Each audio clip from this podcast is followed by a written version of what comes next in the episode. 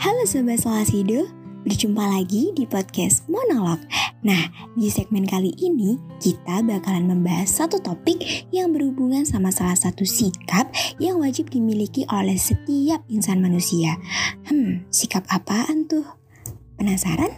Sikap yang aku maksud adalah tanggung jawab. It's tapi kalau kita ngomongin sikap yang satu ini bakalan lekat banget sama yang namanya komitmen.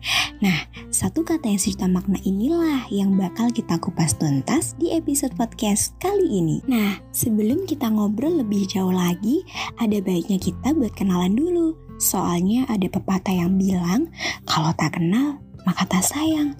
Pas sudah kenal, mau jangan di ghosting sayang.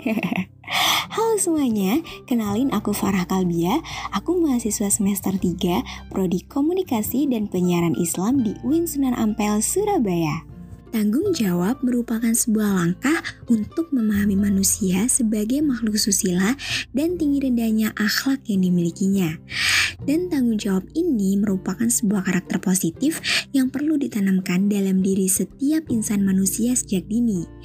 Sejatinya, setiap manusia itu memiliki sikap yang satu ini. Hanya perlu diasah dan dibimbing agar sikap tersebut dapat muncul dan menjadi salah satu sikap yang ia miliki. Tanggung jawab erat kaitannya dengan komitmen, di mana komitmen sendiri adalah sebuah keterikatan seorang manusia kepada suatu hal. Suatu hal ini dapat berupa orang lain, kegiatan, atau organisasi. Dalam hidup manusia harus memiliki dan membangun komitmen dengan baik, terutama dengan dirinya sendiri. Ketika seseorang dapat membangun komitmen dengan dirinya sebaik mungkin, maka sudah pasti dia dapat membangun komitmen dengan baik juga di luar dirinya.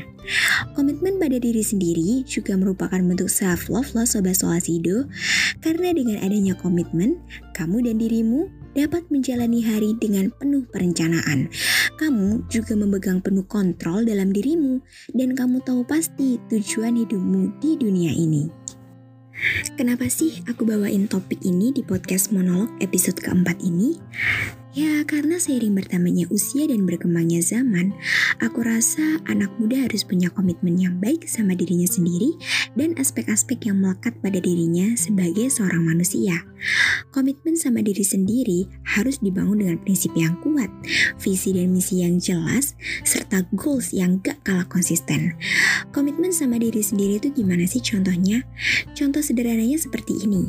Kamu itu dulu gampang banget jatuh cinta, bahkan ke orang yang bukan tipemu banget.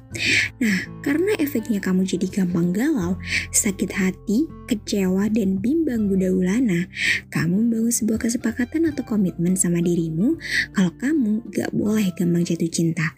Caranya ya dengan membatasi komunikasi dengan lawan jenis, kontakan kalau lagi ada keperluan yang penting atau mendadak, dan banyak habiskan waktu dengan kegiatan yang produktif, biar waktumu gak terbuang sia-sia. Nah, itu kalau sama diri sendiri.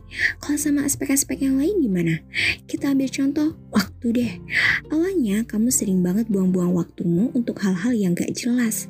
Padahal kamu lagi full tugas. Belum lagi ada tanggung jawab di rumah yang harus kamu handle. Jadinya kamu sering menyelesaikan pekerjaan tuh dengan gak maksimal.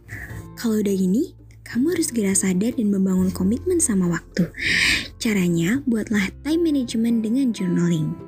Kamu bisa tulis semua kegiatan yang harus kamu selesaikan esok hari pada malamnya. Tulis dengan rapi cantik, dan menarik supaya kamu jadi inget kalau kamu punya kegiatan yang harus kamu selesaiin paginya. Kalau udah gini, gak bakal kamu jadi tim rebahan terus karena kamu bakalan jadi morning person dan productive people. Apa sih manfaat yang bakal kamu dapetin kalau kamu bisa membangun komitmen dengan baik? Yang pertama, kamu jadi kenal sama dirimu sendiri.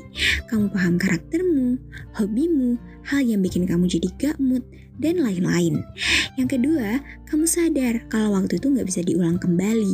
Jadi selagi masih muda dan tenaga masih kuat, kamu harus manfaatin waktu untuk belajar sungguh-sungguh, cari pengalaman, dan habisin waktu berharga dengan orang-orang yang hebat. Dan yang ketiga, kamu akan mengenal yang namanya prioritas. Gak ada tuh yang namanya orang punya komitmen, tapi gak tahu mana yang dia butuhkan dan mana yang sekedar dia inginkan. Percaya deh Sobat Solasido, dampak positif di atas dapat kamu borong semuanya. Ya, tapi gak gratis, kan di dunia ini gak ada yang gratis. kamu bisa dapetin asal kamu dapat membangun komitmen, merawat, bahkan menyebarkan energi positif itu ke orang lain. Mulai bangun komitmen sama dirimu sendiri dan aspek-aspek yang melekat dengan dirimu.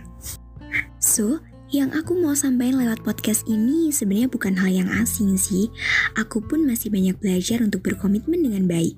Percaya pada proses yang konsisten akan menghasilkan sebuah feedback yang kompeten. Gak kerasa loh kita udah ngobrol lama dan panjang banget soal komitmen di episode kali ini. Semoga apa yang aku share dapat bermanfaat buat kamu Sobat Solasido. Terima kasih sudah mendengarkan episode monolog kali ini. Dengarkan terus podcast keren ini karena bakal bakalan banyak banget topik-topik menarik dan gak kalah kece yang bakal kita bawain. Sehat selalu, bahagia selalu, dan jangan lupa untuk membangun komitmen dengan baik ya sobat. See you Sobat Solasido!